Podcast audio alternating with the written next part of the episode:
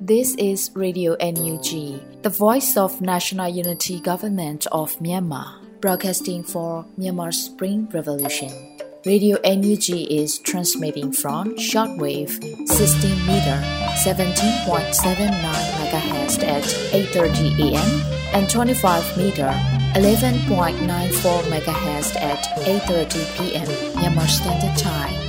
မင်္ဂလာပါရှင်။ မြို့သားညီညွတ်ရေးအစိုးရရဲ့အတန်လွန်ဌာန Radio NUG ကိုမနက်ပိုင်း၈နာရီခွဲမှာလိုင်းတူ16မီတာ19.89 MHz ညပိုင်း၈နာရီခွဲမှာလိုင်းတူ25မီတာ17.6 MHz တို့မှာဓာတ်ရိုက်ဖမ်းယူနိုင်စေနိုင်ပါရှင်။မင်္ဂလာအပေါင်းနဲ့ပြည့်စုံကြပါစေ။အခုချိန်ကစပြီး Radio NUG အစီအစဉ်လေးကိုဓာတ်ရိုက်အတန်လွှင့်ပေးနေပါပြီရှင်။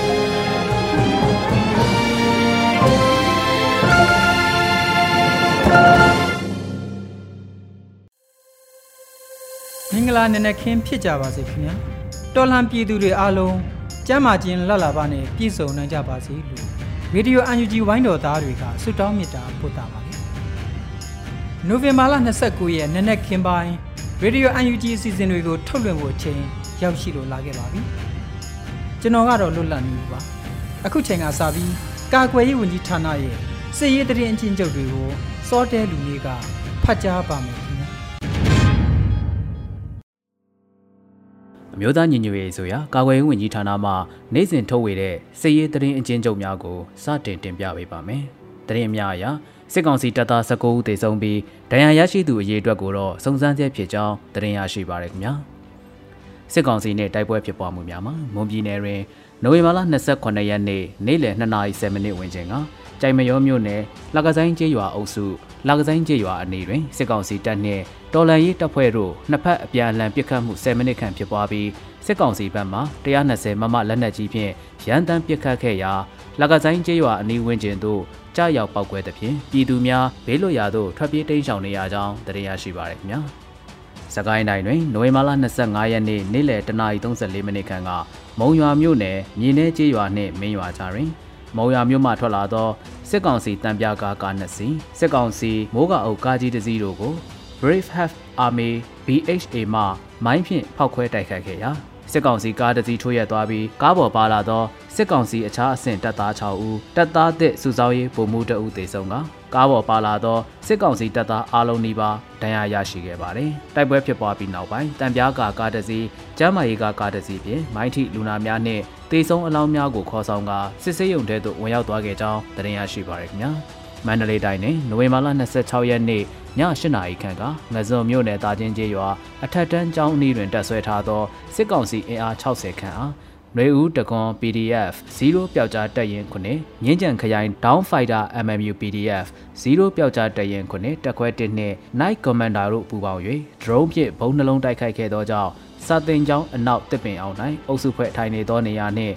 စာတင်ကျောင်းအရှိဘောလုံးကွင်းပြင်၌ထွက်ပြေးနေသောစစ်ကောင်စီတပ်သား9ဦးခန့်တိုက်ဆုံသွားခဲ့ကြောင်းသတင်းရရှိပါရခင်ဗျာ။တနင်္သာရီတိုင်းတွင် နွေမာလာ26ရက်နေ့ညပိုင်းကတရက်ချောင်းမြို့နယ်အောက်တရက်ချောင်းမှာဗိုလ်ကြီးအဆင့်ရှိစစ်ကောင်စီတပ်သားတအူအားအမည်မသိဒေါ်လာရေးအဖွဲ့ကပြစ်ခတ်တိုက်ခိုက်ခဲ့ကြောင်းတင်ရရှိပါရခင်ဗျာ။နိုဝင်ဘာလ26ရက်နေ့နေ့လယ်12နာရီခန့်ကတနင်္သာရီမြို့နယ်လက်တစ်ကြီးရွာအနောက်ကန်းနှင့်အရှိကန်းတွင် KNU တနင်္သာရီပျောက်ကြားပူးပေါင်းတပ်ဖွဲ့များနှင့်စစ်ကောင်စီတပ်တို့ထိတွေ့တိုက်ပွဲဖြစ်ပွားခဲ့ရာစစ်ကောင်စီတပ်သား6ဦးသေဆုံးခဲ့ကြောင်းသတင်းရရှိပါရခင်ဗျာ။ စစ်ကောင်စီကျူးလွန်သောရာဇဝတ်မှုများမှာကရင်ပြည်နယ်တွင်နိုဝင်ဘာလ28ရက်နေ့နေ့လယ်12နာရီခန့်ကကြာရင်စိတ်ကြီးမြို့နယ်ခလဲတကွန်တိုင်းကျေးရွာအုပ်စုငိမ့်ချက်မြိုင်ရွာအားစစ်ကောင်စီမှအင်အား80ခန့်နှင့်ဝင်ရောက်မိရှို့သဖြင့်အိမ်12လုံးမီးလောင်ပျက်စီးခဲ့ပြီး၎င်းရွာတွင်စစ်ကောင်စီတပ်များတပ်ဆွဲထားကြောင်းသိရရှိပါရခင်ဗျာ။ စကိုင်းတိုင်းတွင်နိုဝင်ဘာလ28ရက်နေ့ကအင်းတော်မြို့နယ်နတ်မဟုတ်ကြီးကျေးရွာသို့ရောက်ရှိလာသောစစ်ကောင်စီတပ်သားများကနေအိမ်များကိုမိရှို့ခဲ့ပြီး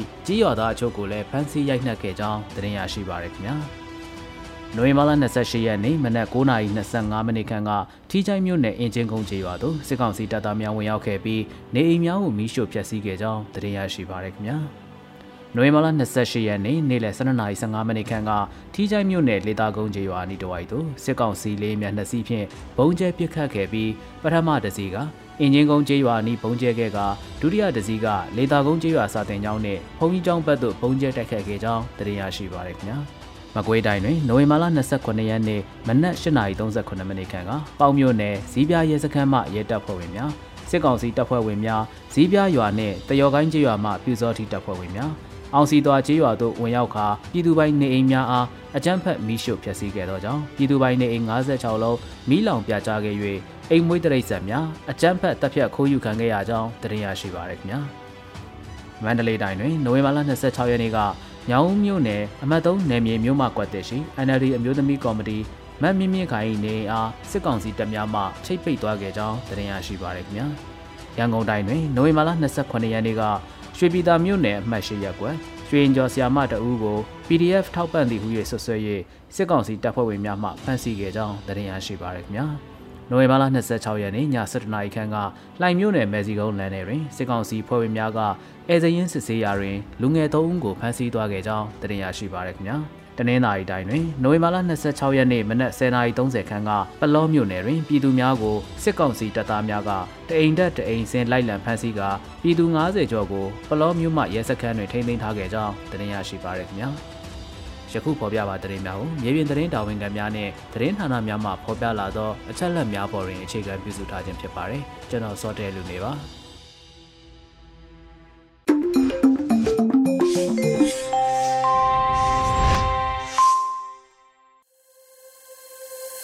အမျိုးသားညီညွတ်ရေးအစိုးရကာကွယ်ရေးဝန်ကြီးဌာနရဲ့စစ်သတင်းတွေကိုနားဆင်ခဲ့ကြတာဖြစ်ပါတယ်။အခုဆက်လက်ပြီးနောက်ဆုံးရသတင်းများကိုຫນွေဥမိုင်ကတင်ပြပေးပါမယ်ခင်ဗျာ။မင်္ဂလာမနက်ခင်းပါရှင်။အခုချိန်ကစပြီး Radio UNG ရဲ့မနက်ခင်းသတင်းများကိုတင်ပြပေးပါရမယ်။ကျွန်မຫນွေဥမိုင်ပါ။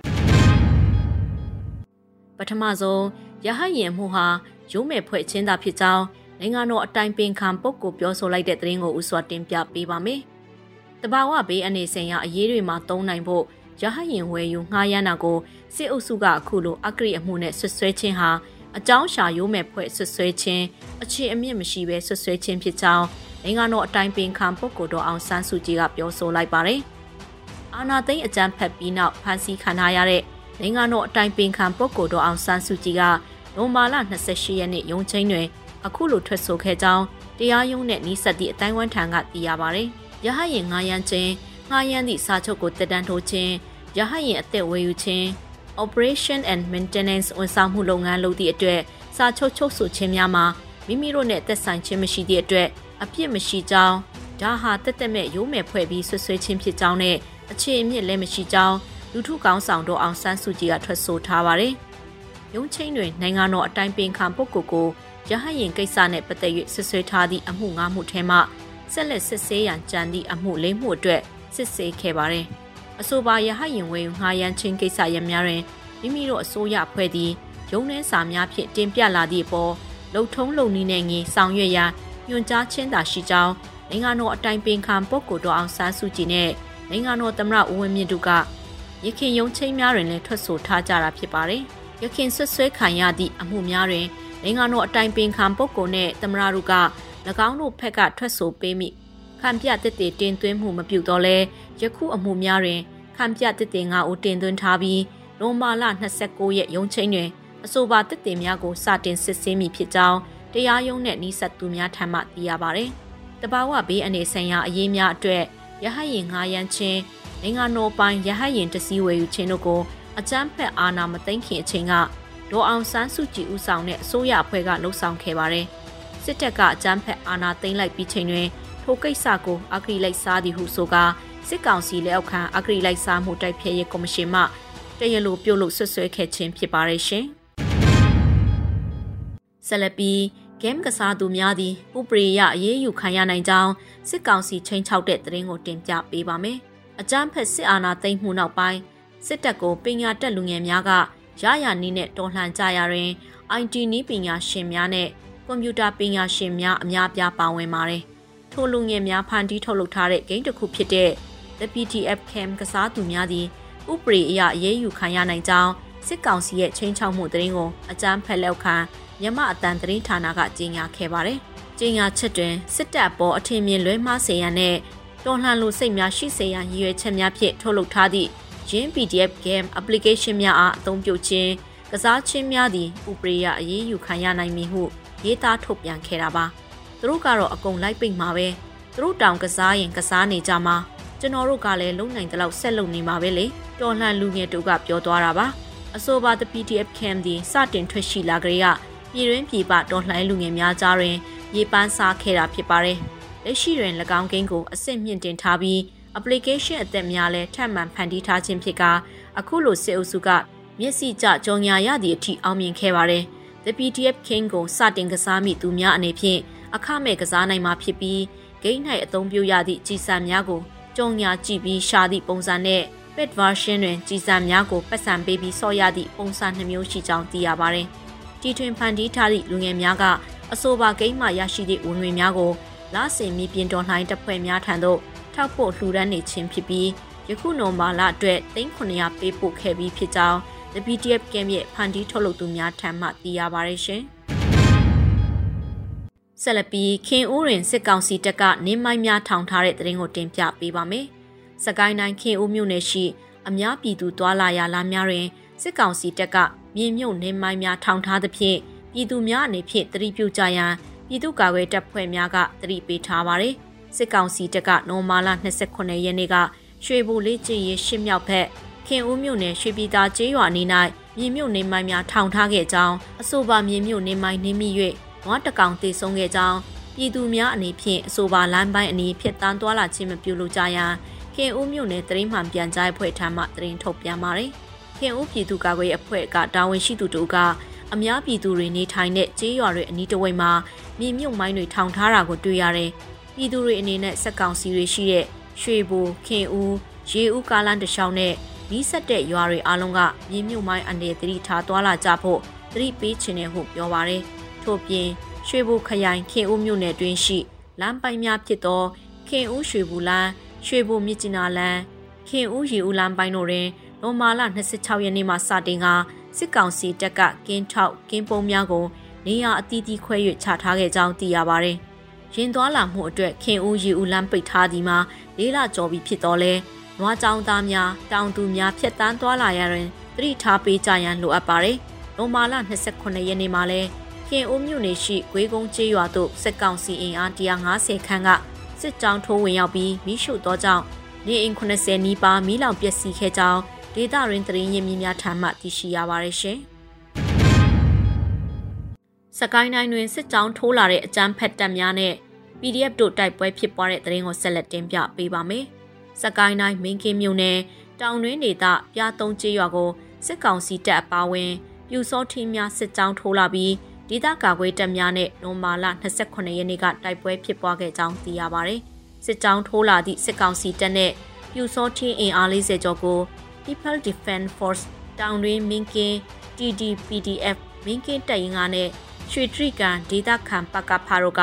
လက်နက်ကြီးလက်နက်ငယ်များဖြင့်တိုက်ခိုက်ခဲ့ရာပြန်လည်ဆုတ်ခွာသွားတယ်လို့နိုမာလာ28ရက်နေ့တွင် People Defense Force တောင်တွင်မင်းကင်း TDPDF ကသတင်းထုတ်ပြန်ထားပါတယ်။ပြားသုံးကျေးရွာကိုရခင်ကလည်းစစ်ကောင်စီတပ်များသည်၅ကြိမ်ထက်မနည်းမိရှုခြင်းအိမ်များကိုဖျက်ဆီးခြင်းမွေးမြူထားသောနွားဝက်ကြက်များကိုတပ်ဖြတ်၍အတ္တမယူဆောင်ခြင်းများပြုလုပ်လက်ရှိကြောင်းသိရပါဗျ။ပြားသုံးကျေးရွာတွင်မှပြည်သူများ စစ်ပေးလွတ်ရာတောထဲသို့ရှောင်တိန်နေရပြီးစောင်းရသည်ဖြစ်သဖြင့်အနှွေးထည်များစောင်းများလိုအပ်နေကြောင်းသိရပါဗျရှင်။ဆက်လက်၍တိုက်ပွဲတွင်စစ်ကောင်စီတပ်သား2ဦးသေဆုံးသွားပြီးရွာနေအိမ်များမိရှုခံရတဲ့တရင်ကိုတင်ပြပေးပါမယ်။မကွေးတိုင်းပေါ့မြို့နယ်ဇီးပြားစစ်တပ်စခန်းမှထွက်လာသောပြူစောထီနဲ့စစ်သားများကို PDF တပ်ဖွဲ့များကတိုက်ခိုက်ရာစစ်သား2ဦးသေဆုံးပြီး10ဦးဒဏ်ရာရရှိကြောင်း မြိုင်မြို့နယ်ပကဖမှဘိုးလက်ကြာကပြောပါရယ်။နိုမာလ28ရက်နေ့နနက်9:45မိနစ်အချိန်တွင်အကြမ်းဖက်စစ်သားနှင့်ပြူစောထီများသည်ဇီးပြစခန်းမှထွက်လာပြီးလမ်းတစ်လျှောက်တွင်ကာကွယ်တပ်ဖွဲ့များဖြင့်ထိတွေ့တပ်ပွဲများဖြစ်ပွားကြောင်းရောင်ရင်းရွာတွင်မိုင်းပွင့်အနည်းဆုံး9ပွင့်ဖြင့်မိုင်းဆွဲတိုက်ခတ်ခဲ့သည့်အပြင်လက်နက်ငယ်များဖြင့်ပြစ်ခတ်တိုက်ခတ်ခဲ့ကြောင်းတိုက်ခိုက်မှုကြောင့်စစ်သား2ဦးသေဆုံးပြီး10ဦးဒဏ်ရာရရှိကြောင်းသိရှိရပါတယ်။ စစ်တပ်နဲ့ပြူစောထီများကအထိနာသွားပြီးနောက်ရောင်ရင်းရွာမှနေအိမ်86လုံးခဲပင်အင်းရွာမှနေအိမ်6လုံးဝေးကုံရွာမှနေအိမ်4လုံးစုစုပေါင်းနေအိမ်96လုံးကိုမီးတင်ရှို့ခဲ့ကြပါတယ်။မိရှုနေသောစစ်ကောင်စီတပ်ကိုဒရုန်းဖြင့်ပုံကျဲတက်ခတ်ရာအုပ်စုလိုက်ထွက်ပြေးသွားကြကြောင်းသိရပြီးထိုတိုက်ပွဲတွင်ပြည်တဲ့ရဲဘော်တအူကြီးထိမှန်တရားရရှိကြောင်းသိရပါဗျ။နိုမာလာ28ရက်နေ့မှာဖြစ်ပွားခဲ့တဲ့တိုက်ခိုက်မှုကိုမြိုင်ပကဖတိုက်ရင်တဲ့ YDF တပ်ဖွဲ့မြို့ပြပျောက်ကြားပခုတ်ကိုတောင်ယုံနဂါတပ်ဖွဲ့နဲ့မွေပွေးပျောက်ကြားတပ်ဖွဲ့တိမ်လွှာမုတ်စစ်အဖွဲ့နဲ့ပေါင်းမြို့နယ်မှကျေးရွာကာကွယ်တပ်ဖွဲ့များကပူးပေါင်းတိုက်ခတ်ခဲ့ခြင်းဖြစ်ကြောင်းသိရှိရပါတယ်ရှင်။ဆက်လက်ပြီးအကြမ်းဖက်မီးရှို့စစ်တပ်ကထိချိုက်မြို့နယ်ရွာတွေကိုမီးရှို့နေတဲ့တရင်ကိုတင်ပြပေးပါမယ်။စကိုင်းတိုင်းထိချိုက်မြို့နယ်အင်ဂျင်ကုန်းကျေးရွာကိုအကြမ်းဖက်အာဏာသိမ်းစစ်တပ်ကနိုမာလာ28ရက်နေ့နေ့ပိုင်းက မီတင်ရှို့နေကြောင်းဒေသခံပြည်သူများထံမှသိရှိရပါတယ်။နိုမာလာ28ရက်နေ့နနက်9:30ဝန်းကျင်ချိန်တွင်စစ်တပ်ကအင်ချေတရာဝန်းကျင်ရှိသောအင်ဂျင်ကုန်းကျေးရွာတွင်သို့ဝင်ရောက်လာပြီးအိမ်များကိုမီတင်ရှို့ခြင်းဖြစ်ကြောင်းအင်ဂျင်ကုန်းကျေးရွာသည်ယမာနေ့တိုက်ပွဲဖြစ်သောအလေရောစံပြကျေးရွာနှင့်ကက်လက်ရွာဖြစ်ပြီးစစ်တပ်ကယနေ့နံနက်ပိုင်းဝင်ရောက်မိရှို့ခြင်းဖြစ်ကြောင်းပြည်သူများထွက်ပြေးတင်းရှောင်နေရကြောင်းသိရှိရပါတယ်။မိရှုခံရတဲ့အင်ဂျင်ကုန်းကျေးရွာများမှာ အင်ချေတရာဝန်းကျင်လောက်ရှိရဲမနေ့ကမိရှုခံရတဲ့အလေရောစံပြကျေးရွာနဲ့တိတ်မဝဲဘူးကက်လက်ပဲအလေတော့မှာမနေ့ကတိုက်ပွဲတွေဖြစ်ပြီးစစ်တပ်ကအထိနာလို့လေးနွေနဲ့ဘုံလာကျဲတဲ့မြစ်ကျနာဘက်ကိုတက်တဲ့လမ်းတွေမနေ့ကလေးကပိတ်ထားတာထီးချိုင်မှာစီကားတွေရောကုန်ကားတွေရောပိတ်မိနေရလို့ဒေတာခန်တူကပြောဆိုပါတယ်ထီးချိုင်တွင်နိုမာလာ29ရက်နေ့ကတိုက်ပွဲများပြင်းထန်စွာဖြစ်ပွားခဲ့ပြီးနိုမာလာ28ရက် ညနေ9နာရီကျော်အချိန်မှာစစ်တပ်ကတိုက်လေရင်ဖြင့်လာရောက်ပစ်ခတ်ခြင်းဖြစ်ကြောင်းစစ်တပ်နဲ့ပြည်သူ့ကာကွယ်တပ်များကြားတိုက်ပွဲပြင်းထန်ကစစ်တပ်ဖက်မှအထိနာနေသဖြင့်တိုက်လေရင်ဖြင့်လာရောက်ပစ်ခတ်ခြင်းဖြစ်ကြောင်းထိချိုင်ဒေသတော်လှန်ရေးကောင်းဆောင်များကပြောပါရယ်လက်ရှိတိုက်ပွဲအခြေအနေများကြောင့်ကျေးရွာ၅ခုမှဒေသခံပြည်သူ3000ကျော်ထွက်ပြေးတိမ်းရှောင်နေရပါတယ်။အာနာသိမ့်ပြီးနောက်အကြမ်းဖက်လုပ်ရက်ကိုပြောင်းပြောင်းတင်းတင်းလှုပ်ဆောင်နေတဲ့စစ်ကောင်စီကတော့ပြည်သူရဲ့ရွာနေအိမ်များကိုတိုက်ပွဲများမှာ၎ င်းတို့အထိနာချိန်တိုင်းပုံမှန်လိုလိုမိရှုအကြမ်းဖက်နေစေဖြစ်ပါရရှင်။ဆက်လက်ပြီးစစ်အာဏာသိမ်းပြီးနောက်နှွေဦးတော်လှန်ရေးတွင်ကြာဆုံးပြည်သူ2546ဦးရှိခဲ့ပြီလို့ AAPP ကထုတ်ပြန်လိုက်တဲ့သတင်းကိုတင်ပြပေးပါမယ်။နိုင်ငံရေးအကျဉ်းသားများကူညီဆောင်ရှောက်ရေးအသင်း AAPP မှလက်လှမ်းမီသမျှမှတ်တမ်းပြုစုထားချက်အရအာဏာသိမ်းချိန်မှ2022ခုနှစ်အောက်တိုဘာလကုန်ထိအကြမ်းဖက်စစ်အုပ်စု၏ မတရားချိတ်ပိတ်သိမ်းဆီးခြင်းခံရသည့်နေအိမ်အဆောက်အဦ၏အတွက်စုစုပေါင်း986ခုထက်မနည်းရှိခဲ့လို့ AAPP ကဖော်ပြပါရယ်2021ခုနှစ်ဖေဖော်ဝါရီလရက်နေ့မတရားစစ်အာဏာလုမှုဖြစ်စဉ်ကိုစန့်ကျင်ခဲ့ကြသောဒီမိုကရေစီရေးလှုပ်ရှားသူများနဲ့ပြည်သူများ၏ຫນွေဦးတော်လှန်ကာလအတွင်းကြာဆုံးခဲ့ရသူစုစုပေါင်းမှာ2546ဦးရှိခဲ့ပြီးဖြစ်ပါတယ်2021ခုနှစ်အာဏာသိမ်းချိန်မှာ 2022ခုနှစ်နိုမာလ28ရက်နေ့ထိတိုင်ဖမ်းဆီးချုပ်နှောင်ခြင်းခံရသူစုစုပေါင်း12990ဦးရှိပြီး၎င်းတို့အနေမှာ1626ဦးမှာထောင်ဒဏ်ချမှတ်ခြင်းခံထားရပါတယ်။နိုမာလာ28ရက်2022ခုနှစ်ထိຫນွေဦးတော်လှန်ရေးဆက်ဆက်၍တည်တံချမှတ်ခံထားရပြီးအကျဉ်းထောင်များတွင်ထိမ့်သိမ်းခံနေရသူစုစုပေါင်း86ဦးရှိပြီဖြစ်ပါတယ်။မြက်ွယ်တည်တံချမှတ်ခြင်းခံထားရသူ42ဦးအပါအဝင် 122ဦးမှာမြက်ွယ်ပြစ်ဒဏ်ချမှတ်ခြင်းခံထားရပါတယ်။ထို့ကြောင့်တည်တံချမှတ်ခံထားရသူစုစုပေါင်း128ဦးရှိပြီဖြစ်ပါတယ်။အမခံဖြင့်လွတ်မြောက်သူ23ဦးရှိပြီးပြန်လည်လွတ်မြောက်လာသူဦးရေမှာ3448ဦးရှိပါတယ်။ဟောပြပါကိန်းကနာအရေးအတွက်များသည့် AAPP မှကောက်ယူထားရှိသည့်အရေးအတွက်ဖြစ်ပြီးမြေပြင်တွင်ဖြစ်ပွားနေသည့်အချက်လက်နဲ့ကိန်းကနာအရေးအတွက်များမှာယခုထက်ပိုမိုများပြားနိုင်ပါတယ်။ အချက်လက်များကိုထပ်မံကောက်ယူရရှိလာပါကဆက်လက်ထည့်သွင်းဖော်ပြသွားပါမယ်လို့ AAPP ကနိုမာလာ28ရက်နေ့မှာအတိပေးထုတ်ပြန်လိုက်ပါတယ်။အရက်ဖက်အဖွဲ့အစည်းမှခေါင်းဆောင်များအရက်သားများတက်ကြွလှုပ်ရှားသူများသတင်းသမားများ CDM လှုပ်ရှားနေသည့်ဝန်ထမ်းများစသည့်နေပေအသီးသီးမှမိသူမဆိုဖန်စီထိန်သိမ်းတရားစွဲဆိုခြင်းခံထားရခြင်းများနဲ့လူဦးတော်လှိုင်းကာလတွင်ကြာဆုံးသွားသူများ၏အချက်အလက်များကိုသိရှိပါက fertility data@aappb.organization email တို့၎င်းအဖမ်းဆီးအချက်အလက်များကို detention data@ aappb.organization email တို့၎င်းတက်ရိုက်ပေးပို့၍ဆက်သွယ်အကြောင်းကြားနိုင်ကြောင်းသိရပါရရှင်။အခုတင်ပြပေးခဲ့တဲ့သတင်းတွေကိုတော့ Radio UNG သတင်းထောက်လွတ်လပ်နေဦးမှပေးပို့ထားတာဖြစ်ပါရရှင်။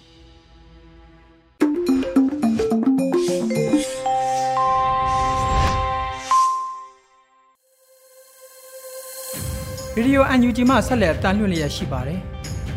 အခုလှည့်ကြတာကတော့တော်လိုင်းရေးကြပြကန္တာပဲဖြစ်ပါတယ်နိဗ္ဗာန်ရောက်ချင်ရင်နိဗ္ဗာန်ရောက်ကြောင်းကိုကျင့်အာနာရှင်လက်အောက်ကလွတ်မြောက်ချင်ရင်အာနာရှင်စနစ်ကိုအပြုတ်တိုက်နိုင်မဲ့လမ်းစဉ်ကိုကျင့်ရမှာပဲဆိုတဲ့စာသားများနဲ့ဆရာနေချိုသူရဲ့တက်တန်တွေမိုးထားတဲ့တော်လိုင်းကြီးဆိုတဲ့ကြပြကိုလွတ်လပ်ຫນွေဦးကဖတ်ကြားပေးပါမယ်ခင်ဗျာ တက်တန်တွေမိုးထားတဲ့တော်လှန်ရေးပင်လယ်ရေမျက်နှာပြင်ထက်2806ပေအမြင့်ကနေလရောင်ရဲ့လမ်းကြိုးလေးတိုင်းဖြာထွက်လာတဲ့သွေးတွေသွေးတွေဟာကြွေးကြော်တန်တွေတိုက်ပွဲခေါ်တန်တွေဖြစ်သွားပြီအရေးတော်ပေါ်မှာပါဝင်သူတို့အကြောင်းပြောတဲ့အခါအာနာရှင်ကိုစန့်ကျင်တော်လှန်ဝွင့်သူရဲ့ စခန်းချနားခိုရာတဲခေါင်မိုးရဲ့တာလပတ်စအပြာအပြာရောင်ကောင်းကင်ကြီးအောက်ကတော်လန်ရေးအကြောင်းပြောတဲ့အခါဟန်တာဝရီဥဝင်းတင်လိုတမဏိစိတ်တက်နဲ့အပြာကိုကျင့်အဘိဓမ္မာအကြောင်းပြောတဲ့အခါပြည်သူသားအမိပြည်သူသားအဖစိတ်နဲ့ပြည်သူကာကွယ်ရေးတပ်သားတွေရဲ့အစ္ဆတထဲကကျဲပြား တော်လှန်ရေးမှာမြူတမုံစာမျှဖြစ်ဖြစ်နိုင်ယာကန္ဒတွေကနေပါဝင်သူတို့အကြောင်းပြောတဲ့အခါကလောင်ကင်ဆွဲတိုက်ပွဲဝင်သူတို့အကြောင်းပြောတဲ့အခါဆရာကြီးမောင်စိမ့်နီရဲ့အဘိဓမ္မာလိုပြည်သူချစ်ရင်ကြပြည့်တင်ပြီစာပေလက်နဲ့နဲ့အနီးသခင်ကိုရောမှန်းရဲ့ရဲရဲနေဆွေးကွန်းတွေထဲကထွီးကနေထွေးချပစ်လိုက်တဲ့ ရန်သူကိုရန်သူလိုရှုမြင်ဝွန့်တဲ့အနီးရန်သူကရန်သူလိုကျင့်ပြီးပိုပေါ့လမ်းစဉ်အတိုင်း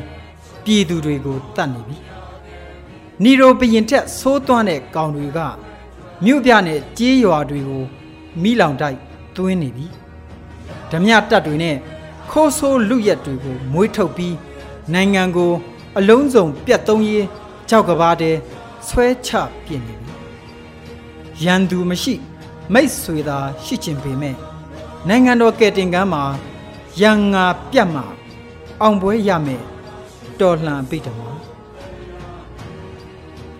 ပြည်သူလူထုဘက်ကနေပါဝင်တော်လှန်ရေးအာဏာရှင်တွေကြဆုံးပြီး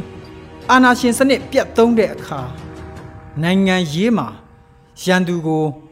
မိတ်ဆွေဖွဲ့ရမယ်တရားဟာအသက်ဝင်လာမှာပါ ငင်းချမ်းရေးလမ်းစဉ်အကြောင်းပြောကြတဲ့အခါအခြေအနေနဲ့အချိန်အခါရငင်းချမ်းရေးတရားဟောလို့မဖြစ်နိုင်တော့တဲ့တော်လှန်ပိတမမတရားမှုတွေကအိမ်ရှိတကားလာခောက်တဲ့အခါငင်းချမ်းရေးလဲအိမ်အနောက်ပေါက်ကထွက်ချသွားရတာပါပဲရွှေပြည်အေးတရားဟောတဲ့အခါနိဗ္ဗာန်ရောက်ခြင်းနိဗ္ဗာန်ရောက်ကြောင်းကိုကျင့် အာနာရှင်လက်အောက်ကလွတ်မြောက်ခြင်းရင်အာနာရှင်စနစ်ကို အပြုတ်တိုက်နိုင်မဲ့လမ်းစဉ်ကိုကျင့်ရမှာပါပဲကျွေးကြော်တာနဲ့လေလေတာမသေးကွဲတဲ့အချောင်နေအချောင်စားနိုင်ငံရေးသမားတပို့တဲ့ကြည့်တဲ့နွားလူကောင်စားတွေနဲ့ကိုလူသူ့ဘက်သားတွေကိုပေါင်ချဆုတ်ဖြဲပြစ်ရမှာပါပဲအခုချိန်မှာငိမ့်ချမ်းရေးအကြောင်းပြပြီး စစ်ဆိုင်ညှိနှိုင်းရေးအကြောင်းပြောတဲ့ကောင်းတွေဆိုတာကိုကျိုးစည်းဝါးတွေနဲ့တိုင်းပြည်အပေါ်လူလယ်လုပ်ပြီးခွေးပါဝချင်နေတဲ့ကောင်းတွေပါပဲအိမ်ဆောက်ခွေးကအိမ်ဦးကန်နဲ့ဖျားစင်ပေါ်တက်ထိုင်နေတဲ့အခါခွေးနေရခွေးနေရမယ်ခွေးကြတဲ့အထိရိုက်ထုတ်ပြရမှာပါပဲဖက်စစ်တွေပါတဲ့စစ်တပ်အာနာအတွက် ပြည်သူ့ဘက်တနတ်ပြောင်းလှည့်ခဲ့တဲ့ဖက်စစ်စစ်တပ်ကိုအမြင့်ဖြတ်ပြရမှာပါပဲအာယုံတော်ຫນွေဦးမှာအရွယ်ဆုံးအယောင်အသွေးစုံနဲ့တက်တန်တွေမိုးထားတဲ့တော်လှန်ရေးအကြောင်းပြောတဲ့အခါဟိုးမိုးကုတ်ဆက်ဝိုင်းထိပန်းမျိုးစုံဖူးပွင့်မှုေးပြန့်တဲ့ဖက်ဒရယ်ပြည်ထောင်စုနိုင်ငံတစ်ခုကိုပြုစုပြိုးထောင်မယ် ခွင့်တူညီမျှဝါဒဖြူစင်မှုတွေနဲ့ပျော်စရာအတိပြီးတဲ့နိုင်ငံတော်ကြီးကိုတိဆောက်ဖို့လိပ်ပြာလုံအောင်နေနီးသေနီးနဲ့တော်လန်ရေးကြီးနဲ့ခြိတက်လာခဲ့ပြီနေချိုသွေး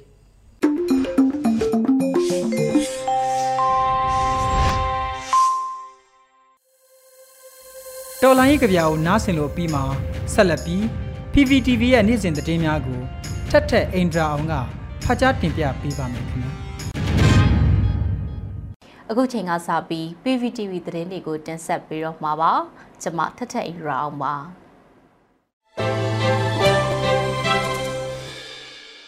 ပထမဆုံးတင်ဆက်ပေးမယ့်သတင်းကတော့အတောက်မိသောမိုးခါရီဇလန်တို့ရုပ်ရှင်ကနေရရှိလာတဲ့ရန်မုံငွေကျပ်သိန်း4600ကိုပထမအကြိမ်အဖြစ်တော်လှန်ရေးအဖွဲ့တွေကိုထောက်ပံ့တဲ့သတင်းမှာ ဒရိုက်တာကိုပေါက်ရိုက်ကူးတဲ့မတောက်မိသောမိုးခါရီဇလန်တို့ရုပ်ရှင်ကနေရရှိလာတဲ့ရမုံငွေတွေကကျပ်သိန်း4600ကိုပထမအကြိမ်ဖြစ်တဲ့တော်လှန်ရေးအဖွဲ့အစည်းတွေကိုထောက်ပံ့မှုတွေပြုလုပ်ခဲ့ပါတယ်။အဆိုပါတော်လှန်ရေးကူညီငွေပေးအပ်ပွဲကိုအမျိုးသားညီညွတ်ရေးအစိုးရကာကွယ်ရေးဝန်ကြီးဌာနပြည်ထောင်စုဝန်ကြီးဦးရီမွန်ပြည်ထောင်နဲ့လူဝင်မှုကြီးကြပ်ရေးဝန်ကြီးဌာနပြည်ထောင်စုဝန်ကြီးဦးလွင်ကိုလက်လျှက်စစ်နဲ့စွမ်းရည်ဝန်ကြီးဌာနပြည်ထောင်စုဝန်ကြီးဦးစိုးသူရထော်ဒရိုက်တာကိုပေါက်သက်ဆိုင်ရာတပ်ဖွဲ့ခေါင်းဆောင်တွေ မိုးခါရီရုပ်ရှင်ပြသရေးကော်မတီဝင်တွေဖြစ်ကြတဲ့ဦးအေယာထွန်းအင်္ဂလန်ဦးဗန်နီဂျပန်ဦးစောမင်းသိန်းအမေရိကန်ဦးဖရက်အမေရိကန်မဒန်ပဲဩစတြေးလျမတ်စကာလက်အင်္ဂလန်တို့တက်ရောက်ခဲ့ကြပါတယ်။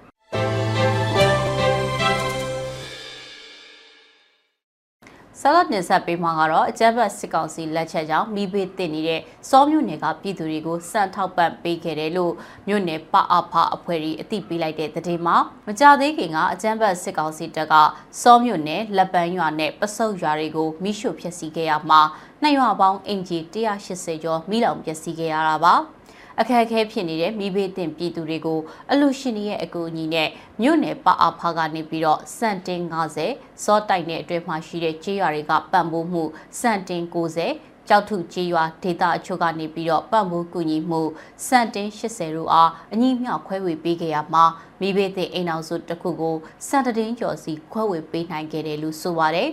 ပြီးခဲ့တဲ့ရက်ပိုင်းကလည်းမိဘေးတင်အိမ်အောင်စု188ခုအတွက်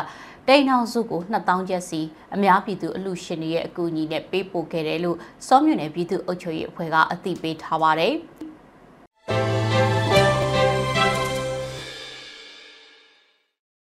နောက်ထပ်အနေနဲ့အကြမ်းဖက်စစ်ကောင်စီကြောင့်ရတော်မြို့နယ်မှာတလအတွင်းနေအိမ်1200ကျော်မိလောင်ပျက်စီးပြီးတော့ပြည်သူ20ကျော်တေဆုံးခဲ့ရလို့အရတော်ပအဖထုတ်ပြန်လိုက်တဲ့သတင်းမှာ